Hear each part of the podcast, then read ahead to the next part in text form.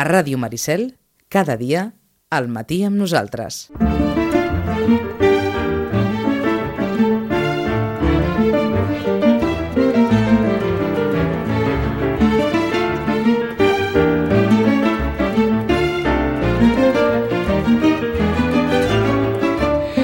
I per fer la prèvia, segurament la, la Rosana la va veure en el seu dia, nosaltres la vàrem veure, segurament més d'un de vostès la va veure, la pel·lícula té uns quants anys, en té gairebé 25.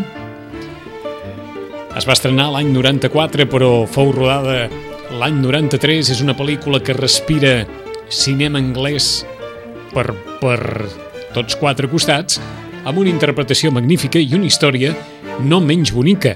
Els més lletraferits diuen que la pel·lícula és bastant coixa respecte al seu original, però en qualsevol cas, vet aquí una de les escenes més íntimes de Lo que queda del dia. Hola William, hola John.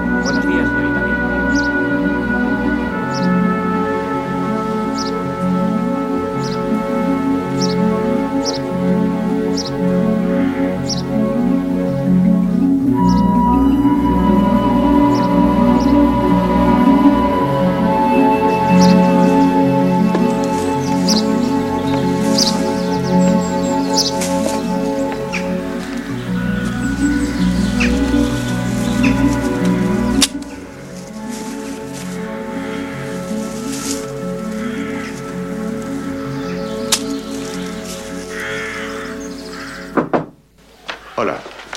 Señor Stevens, he pensado que esto iluminaría un poco su despacho. ¿Cómo dice? He pensado que lo alegraría un poco. Vaya, es muy amable. Ah, Si quiere, señor Stevens, puedo traerle algunos esquejes más. gracias, señorita Kenton. Pero considero este cuarto mi lugar privado de trabajo y prefiero mantener las distracciones al mínimo. ¿Las flores le parecen una distracción, señor Stevens? Agradezco su amabilidad, señorita Kenton, pero prefiero mantenerlo como está. Y ya que está aquí, eh, hay un asunto que quería mencionarle, solo un asuntillo. Resulta que eh, pasaba por la cocina ayer por la mañana y la oí llamando a un tal William. ¿Puedo preguntarle a quién se dirigía por ese nombre? Vaya, señor Stevens, se supone que me dirigía a su padre. Oh, No hay ningún otro William en esta casa, según creo. cierto. ¿Puedo pedirle que en adelante se dirija a mi padre como señor Stevens? Y si está hablando de él a una tercera persona, puede llamarle señor Stevens padre para distinguirle de mí mismo. Yo le estaría muy agradecido, señorita Kenton. No logro entender a dónde quiere llegar, señor Stevens. Soy el ama de llaves de esta casa y su padre es el ayuda de cámara. En otras casas estaba acostumbrada a llamar a mis subordinados por el nombre de pila. Señorita Kenton, si se parase a pensar un momento, comprendería lo inapropiado que es para alguien como usted dirigirse como William a alguien como mi padre. Estoy segura, señor Stevens, de que debe de haber sido muy humillante para su padre ser llamado William por, alguien como yo. Señorita Kenton. yo I aquesta conversa tan tensa era la que protagonitzaven en el seu dia Anthony Hopkins i Emma Thompson. A la ficció cinematogràfica Lo que queda del dia, la pel·lícula de James Ivory de l'any 1993, basada en el llibre homònim del Premi Nobel de Literatura 2017, Kazuo Ishiguro. Rosana, bon dia i bona hora. Hola, molt bon dia. És la novel·la més coneguda del Nobel, no? La més coneguda, suposo que també pel fet de que després també es va fer una pel·lícula i amb els actors que hi havia a la pel·lícula, també tot s'ha de dir, eh? Mhm. Però era, sí, és un dels llibres més coneguts d'ell i bé, i ara ja ve la pregunta del milió de que en quin moment està exaurit i estem esperant que el reeditin ràpid. Eh? Vaja. Almenys, eh? En castellà, perquè ja tornem a tenir aquell petit problema, saps aquell petit problema, que això quan es va editar en català es va editar per Empúries i han perdut els drets i els drets els té anagrama, anagrama ja sabeu que ara publica català i castellà Sí. i amb la qual cosa doncs ara doncs no el tenim mm? en català tenim més poca cosa del, del, del Nobel i, Mhm. i, i no sabem O sigui Clar, que Anagrama hauria de mostrar el seu interès per publicar el que queda del dia en català. Exacte. Bueno, i ara està reeditant ja el que, los restos del dia en castellà, eh? Però, Ahà. perquè també se li ha exaurit, però això és normal, vull dir que, a veure, no? sinó això és una travessa i quan dius, bueno, doncs déu nhi dels llibres que hi havien publicat al Nobel ja de bon començament, que ja el teníem, no? Però clar, en aquest cas, doncs aquest llibre en concret, doncs estem patint aquest, eh? Uh, mm. aquest... O sigui que qui demani, qui demani Los restos del dia o el que queda del dia en català no ho trobarà i en no. castellà s'haurà d'esperar perquè l'edició s'està fent hores d'ara. Exacte. Eh? Vull dir, s'està reeditant ràpid, ràpid perquè s'ha acabat. Bé, no, potser alguna llibreria encara n'hi queden, però és allò, eh? Però uh -huh. la resta sí que estan, eh? I és, és un llibre preciós, preciós, preciós, tal com tu deies. Vull dir, és una manera d'animar la gent a llegir aquest Nobel eh, perquè realment és un llibre preciós. És que per aquí anàvem precisament, perquè cada vegada que parlem dels Nobel eh, sí. ens venen al cap aquelles, aquelles coses. L'any passat va ser allò del, del verso suelto, en aquest cas quan li van donar Bob Dylan el, el Nobel, sí. però aquest és un Nobel que es pot llegir perfectament apte per a tots els públics, diguem-ne, d'una lectura allò entretinguda, amena, relativament, relativament fàcil dins de la qualitat de, de l'obra, vaja, accessible a tothom? Accessible, sí, accessible. La veritat és que és accessible, sobretot aquest llibre, eh? però bé, clar, és literari, eh? però no vol dir uh mhm. -huh. això que no, no es pugui llegir, ni molt menys, ni que sigui d'allò que diguis, bueno, no m'he enterat de res, saps aquells que són tan, que has d'anar... Per això, per això, tu, per, per això t'ho preguntem. No, no, per això m'ho deies, no? Vull dir que no, no, aquest no, aquest realment... Eh, t'agrada, vull dir, entres de seguida a la novel·la i bé, sigui el tema que sigui en el que hi hagi les novel·les, però que realment és un, un novel que jo crec que, que arribarà a molt, a, a molt de públic. Eh? Mm -hmm. A molt de públic. Eh? Qui ja ha arribat a molt de públic fins ara és hm, el guanyador del Premi Planeta. Nascut a, a Terol, ja havia tingut en la seva cartera El Maestro del Prado, La Pirámide Inmortal, La Cena Secreta, La Dama Azul, El Ángel Perdido, Les Puertes Templàries... O sigui, eh? estem parlant d'algú que ja ha venut molts llibres. Molts, molts, molts, molts. I és curiós perquè és un autor que en un moment donat ens van dir que, que és molt conegut a fora. Vull dir que també dius, bueno, mm, no? Perquè amb un tema així, però sí, és molt conegut a fora també aquest senyor, també no només ven aquí, sinó que ven també molt a fora. Uh mhm. -huh. és, és un autor que, que sí. Eh? Però tot amb aquest uh, tema així, no? Uh, per psicologia, uh, Exacte. Grials... Eh? En, ens, agafem, ens agafem el fil de la Rosana perquè l'esbós biogràfic que apareixia al País sobre Javier Sierra mm. diu textualment llicenciat en periodisme i lligat als mitjans durant bona part de la seva trajectòria professional, Javier Sierra és el primer escriptor espanyol que ha aconseguit ficar-se fins ara a la llista dels llibres més venuts als Estats Units, la llista que elabora el New York Times, com bé ens deia la Rosana. Ho va fer l'any 2006 amb La Cena Secreta, una novel·la on va explotar el seu talent pel misteri i la intriga, els senyals d'identitat que l'han convertit en un escriptor amb un gran èxit de vendes. O sigui que aquest planeta del 2017 se suposa que serà un èxit segur, Rosana. Sí, la veritat és que sí, i, i, i la, de dir que jo crec que sí, perquè ja, la diferència amb altres premis és que, doncs, bé, eh, a vegades és més o menys conegut, aquest té un públic fidel, i té un públic fidel, és a dir, quan surt un llibre, doncs, eh, i, a més a més és un senyor que també amb les redes socials també també funciona, amb la qual cosa doncs, ell ja fa també el seu bombo particular i és un llibre que segurament, segurament doncs, distraurà moltíssim i la gent li encantarà. Mm -hmm. Però jo també t'haig de dir, no digue'm, sé, digue'm, eh? digues, digues tu. No, no, no, no, no. Uh, sobre uh, aquest no, el llibre, no dir res més. El llibre es titula El fuego invisible. Sí. El fuego invisible aquest serà, o com a mínim aquest és el, és el nom que es va donar a conèixer amb eh, la nit dels, dels Premis Planeta. La sí. cinquena novel·la de Cristina López Barrio és precisament la finalista del Premi Planeta. També les notes biogràfiques diuen que un dia l'escriptora madrilenya va deixar la seva feina com a advocada per submergir-se per complet en el món literari i la seva aposta li va sortir bé. El primer llibre, El hombre que se mareaba con la rotación de la tierra, va obtenir el segon premi Villa de Pozuelo de l'Arcón de novel·la juvenil, però va ser l'any 2010, amb La casa de los amores imposibles, quan es va donar a conèixer al gran públic. La finalista del Premi Planeta té com a protagonista una novel·la que es diu Niebla en Tánger.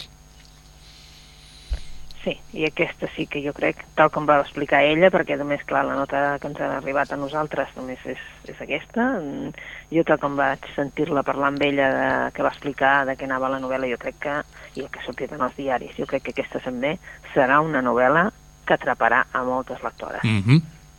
A mi em sembla, eh? No sé, no sé eh? si el Planet ho fan express, però faríem una llista de tots els anys de finalistes dones Mm, que han aconseguit gairebé un èxit de vendes igual o superior sí.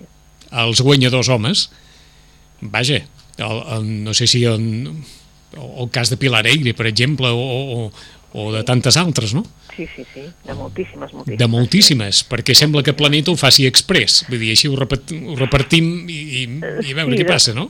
Sí, de vegades a l'autor, pel que sigui, eh, doncs eh, sembla que sigui com a més menys conegut o potser doncs, no? de, o, o que té menys obra publicada i tal i és una mica més aposta i en canvi la, la finalista llavors sí que és doncs, allò que dius, bueno, aquesta és la que hi compensen, no? Ahà. I, i, i, i normalment les finalistes, és el que tu dius, és una dona, però recorda que l'any passat va ser, bum, al revés, la, la guanyadora del planeta va ser la Dolores Redondo Sí. i fin, el finalista va ser el Marco Chicot i tots dos van ser èxits de vendes llargament. Eh? Vull dir que no sé com ho fan, però en definitiva busquen autors que, que No, vendre. no ho sé com eh? s'ho fan, perquè es varen presentar, em sembla que s'han presentat més de 600 originals. Sí, Mm.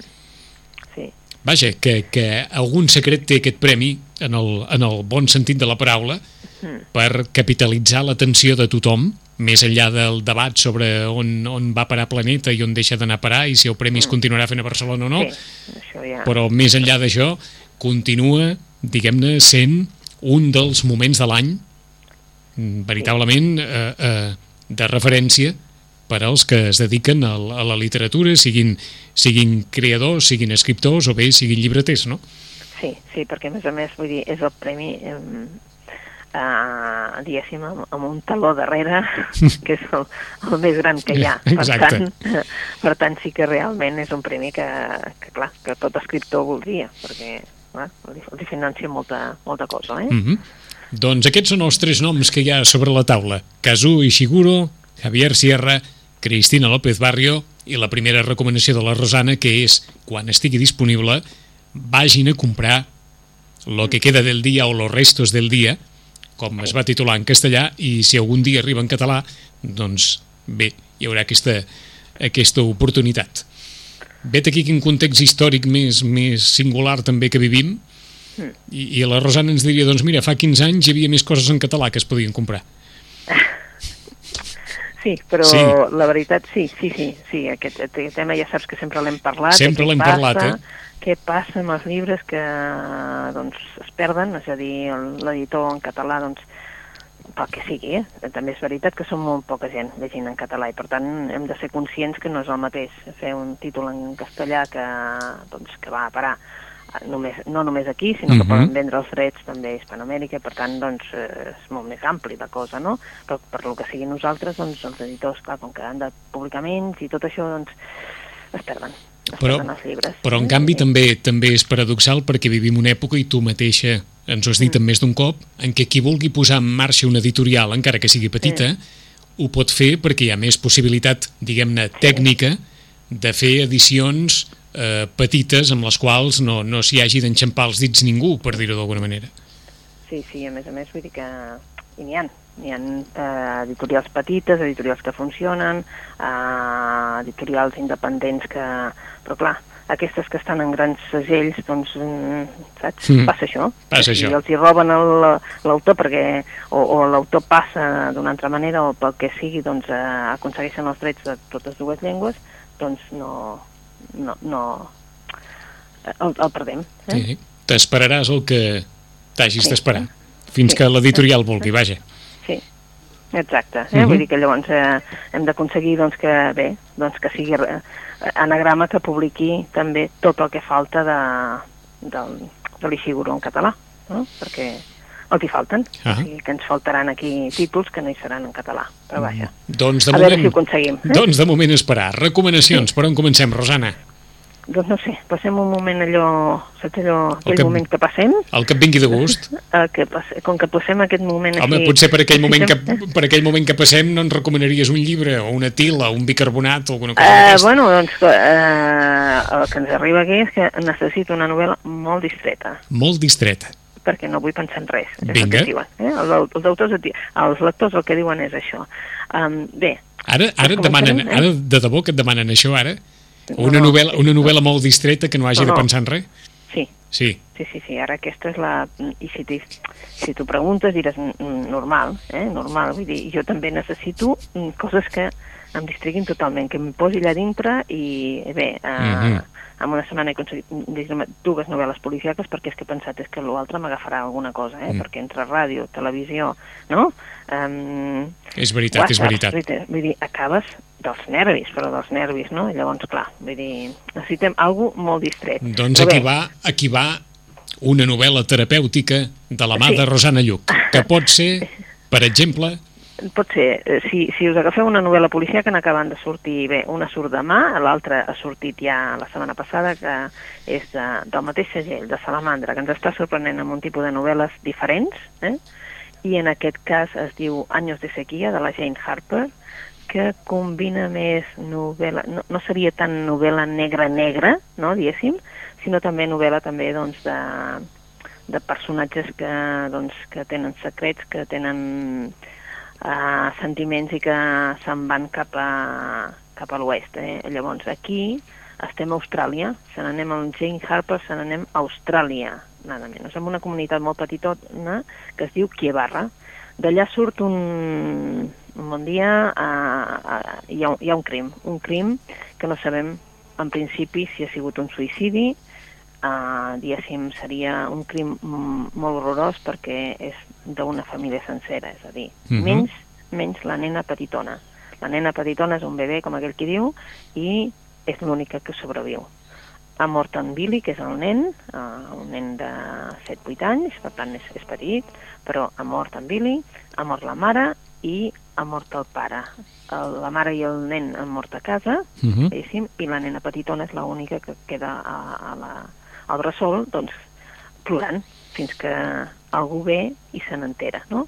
I el pare ha aparegut amb una camioneta amb una escopeta de caça al costat i desfigurat de la cara. A partir d'aquí, evidentment, tenim uh, molts dubtes. Molts dubtes perquè el protagonista, el que apareix amb la cara desfigurada, diguéssim, és un noi que el seu gran amic, el seu gran amic de, de joves i que va marxar, és el Luke. Eh? Um, no, perdona, uh, Luke és el, el, el que mora, el Folk és el que realment serà l'amic que ha de marxar. Uh -huh. Després anem veient per què va marxar ell. Ja hi va haver un episodi quan eren joves i, per tant, el fet de que ell vingui a l'enterro, perquè el pare de, que, de, de Luke el truca per dir-li és el teu amic, has de venir a l'enterro, uh, clar, ell va marxar amb el seu pare des d'aquest poble, no hi ha tornat més, va marxar amb la cua entre cames, com aquell qui diu, i ara torna. Torna sent investigador mm, de delictes fiscals i, per tant, eh, demana una excedència per anar a l'enterro del seu gran amic de quan eren joves i que s'han anat veient, però cada vegada amb menys coses en comú, diguéssim, no? El folk, el que arriba és el, el poble, un poble que l'odia, un poble que no el vol tornar a veure, que ningú no li vol parlar, però que en canvi ell, eh, perquè li promet a la mare d'aquest noi de que averiguarà què ha passat, vale? perquè la mare no creu que el seu fill hagi posat fi a la vida dels seus, eh, de, la seva, de la seva dona i el seu fill i hagi acabat d'aquesta manera la seva vida, no s'ho creu uh Mhm. -huh. i li demana amb ell que ho investigui. Doncs és una novel·la amb molta intriga, per això, perquè no sabem qui ha matat, però alhora resulta que tot està relacionat, diguéssim, perquè cada vegada surt el tema de quan el folk va haver de marxar del poble d'aquesta comunitat. Uh, I vas investigant i vas veient que hi ha per mig una noia, una noia que també va aparèixer morta. En la qual cosa, aquest any de sequia, perquè ens trobem en aquesta comunitat australiana que pet, pateix la sequia més gran de la història, no hi ha diners, els grangers ho estan perdent absolutament tot i per tant el que hi ha també són molts nervis. És una novel·la que t'entreté, que et manté fins al final perquè vols veure exactament qui és, qui és, qui és, qui, què ha passat i si realment ho podran resoldre i podran resoldre no només això que ha passat ara, sinó també el per què el folk va haver de marxar i clar, eh, tot li va en contra, tot està, saps? Vull dir, no es pot enfiar, eh, comença a enfiar-se d'una amiga, però al final doncs, tot el que li ve pel costat i pel darrere i tot, tot eh, ja no, no sap de qui enfiar-se'n i per tant, Anys de sequia és una novel·la d'aquelles que us ho passareu molt bé perquè estàs per allò i no estàs absolutament Anem per res més. Per res més. Eh? Anys de sequia de Jane Harper, la primera recomanació d'avui. Vinga, la segona.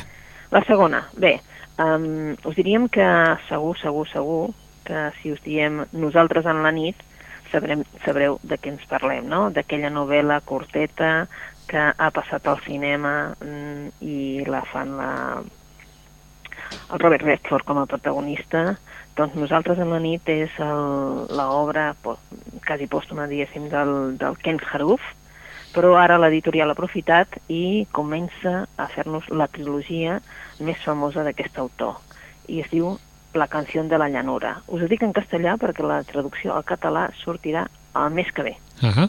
Però ho dic perquè si, si algú es vol esperar, la canció de la llanura sortirà el mes que ve, editat per Angle, per tant, eh, també la tindrem en català. Ken Haruf eh, el que fa és situar-nos a Colorado, en una petita comunitat, i hi ha un professor d'institut, eh, un professor d'aquells anònims, que el que fa doncs, és intentar tirar endavant, tirar endavant perquè té dos fills, eh? dos fills que estan amb això, no? fent-se adults ja, vull dir que estan, són adolescents eh, i la seva dona té una depressió molt gran. Per tant, eh, és una mica caòtica tota la situació i eh, bé, um, una de les filles, eh, la, la, la seva mare la, la treu de casa quan està embarassada i gràcies a una professora doncs eh, aconseguirà trobar lloc eh, per no marxar del poble amb dos senyors que són grans i que viuen en una granja eh, apartada de tot. Eh? Què ens explica la novel·la? Doncs ens explica les vides de tots ells, dels seus silencis, de la seva soledat, dels seus anels, i bé, eh, i llavors ja això, refugi, és en realitat doncs, una altra vegada parlar dels sentiments, en els sentiments més purs, i la canció de la llanura eh, continua sent una gran novel·la que també ens pot distreure moltíssim. Doncs de l'autor de Nosaltres en la nit, pel·lícula que acaba, com molt bé deia la Rosana Lluc, que acaba d'estrenar-se fa ben poc, que és la darrera pel·lícula, vaja, si vostès van veure algunes de les imatges d'en sembla que va ser, no sé si va ser Venècia o Cannes, Robert Redford sí, sí. i Jane Fonda, tots dos, Exacte. Eh, en, vaja, en plenitud de facultats magnífics a la, a la seva edat, són els protagonistes de la versió cinematogràfica de, de Nosaltres a la nit, doncs del seu autor, de Ken Haruf, la canció de la llanura, aquesta història de com un, un professor d'institut intenta eh, poder salvar la, de, la depressió de la seva dona i, i tirar endavant els seus dos fills. Una altra de les recomanacions. I tenim temps per una recomanació més, Rosana. Per una recomanació més. Bueno, doncs una molt curteta. Uh, des de fa un temps, uh, Sex Barral uh, intenta buscar un autor que fos del seu catàleg, del primer catàleg de Sex Barral, vale? i que es faci una commemoració per alguna cosa. En aquest cas, aquest any se celebra, mm, acabem de celebrar la Carson McCullers, doncs ara estem celebrant també Heinrich Ball. Segur que tots havíem llegit quan érem molt joves Opiniones d'un payaso. Eh? Bé, doncs ara aquest senyor, que també era un Premi Nobel, Heinrich Ball va ser Premi Nobel, em sembla que en el 72, una cosa així, doncs ara es torna a publicar una obra que també dèiem els llibreters, que és una llàstima que no es tornés a publicar. Opiniones d'un payaso, eh? del Heinrich Ball, doncs explica doncs, eh, la, la, la vida de, del Hans Schreiner, que és un artista, un artista que evidentment, eh, bé, és allò que va amb caiguda en pecat total, no? Vull dir, és, ell és un artista vingut a menys, uh -huh. la seva dona l'ha abandonat, um, diem-ne que um, està en una situació molt precària de treball, un futur totalment incert, i llavors el que fa és eh, reflexionar, el Hans el que reflexiona és sobre el seu entorn, sobre la societat que hi ha en aquest moment, i en realitat lluitarà per recuperar aquella felicitat que amb ell li ha estat batada, però que en realitat doncs, ell eh, se la mereix. Eh? Um, retracta d'una manera molt, molt, molt, molt, molt magistral, eh? magistral diria, més que molt bona, um, una societat, una societat molt materialista, una societat en què, evidentment, amb els valors que tenim en tota la societat i que en realitat doncs, el que fa és uh, despertar-te i dir, bueno, potser sí que hauríem d'actuar d'una altra manera. Mm? És un dels millors autors alemanys, però que ens faltaven al catàleg perquè allò que ens passa, si ara buscaves opinions d'un pallasso, no es trobava, i en canvi és una obra com per seure i llegir-la. O sigui que de nou acaba de sortir en, en reedició, eh? En reedició, sí, sí, acaba de sortir en reedició eh, i també suposo que perquè, doncs, bueno, doncs perquè aquest senyor eh, bueno, és 1917-2017 és eh, clar, ell va néixer en 1917 i Sí. llavors doncs, fa els 100 anys de que, que, que va néixer i per tant eh, Sex Barral ha fet un pas i ha dit, bueno, doncs com a mínim l'anirem publicant i ara aniran publicant tota la seva obra, Ahà. que també és molt interessant perquè és això, no? que nosaltres l'havíem llegit amb aliança en aquells anys i això s'havia perdut, però en canvi doncs, eh, té, tu te la llegeixes i no penses que hagin passat els anys que han passat. Els anys que han passat perquè d'alguna manera tot plegat se situa en el context de l'Alemanya després de la Segona Guerra Mundial. Sí, sí, sí. O sigui que mm, hi ha un rerefons aquí també prou, prou important i, i prou transcendental. De Heinrich Boll, Opiniones d'un payaso, acabat de sortir, eh, de Ken Haruf, La canción de la llanura, una altra de les recomanacions de la Rosana, de Jane Harper, sobretot aquesta, per qui vulgui allò fer abstracció de tot, desconnectar de tot, de tot i de tothom i refugiar-se en una història molt, molt potent, en una història policíaca molt potent eh, que protagonitza el gran amic d'un home desaparegut, però un gran amic que en el seu dia va haver de marxar del poble on ha mort aquest home i que tenen la petició de, mm, de la seva família que no s'acaben de creure que ell hagi estat la- l'assassí de la seva família, sinó que aquí deu haver passat alguna altra cosa. Anys de sequia de Jane Harper, la primera de les recomanacions que ens ha deixat de la Rosana, tot esperant que arribi, si arriba, el que queda del dia de Kazuo Ishiguro en versió catalana. Si no, en castellà s'està imprimint, o sigui que aviat arribarà també la novel·la més coneguda del Nobel d'aquest 2017. Rosana, en 15 dies ens tornem a retrobar. Fins aquí 15 dies. Molt bona lectura. Bona lectura, adeu-siau.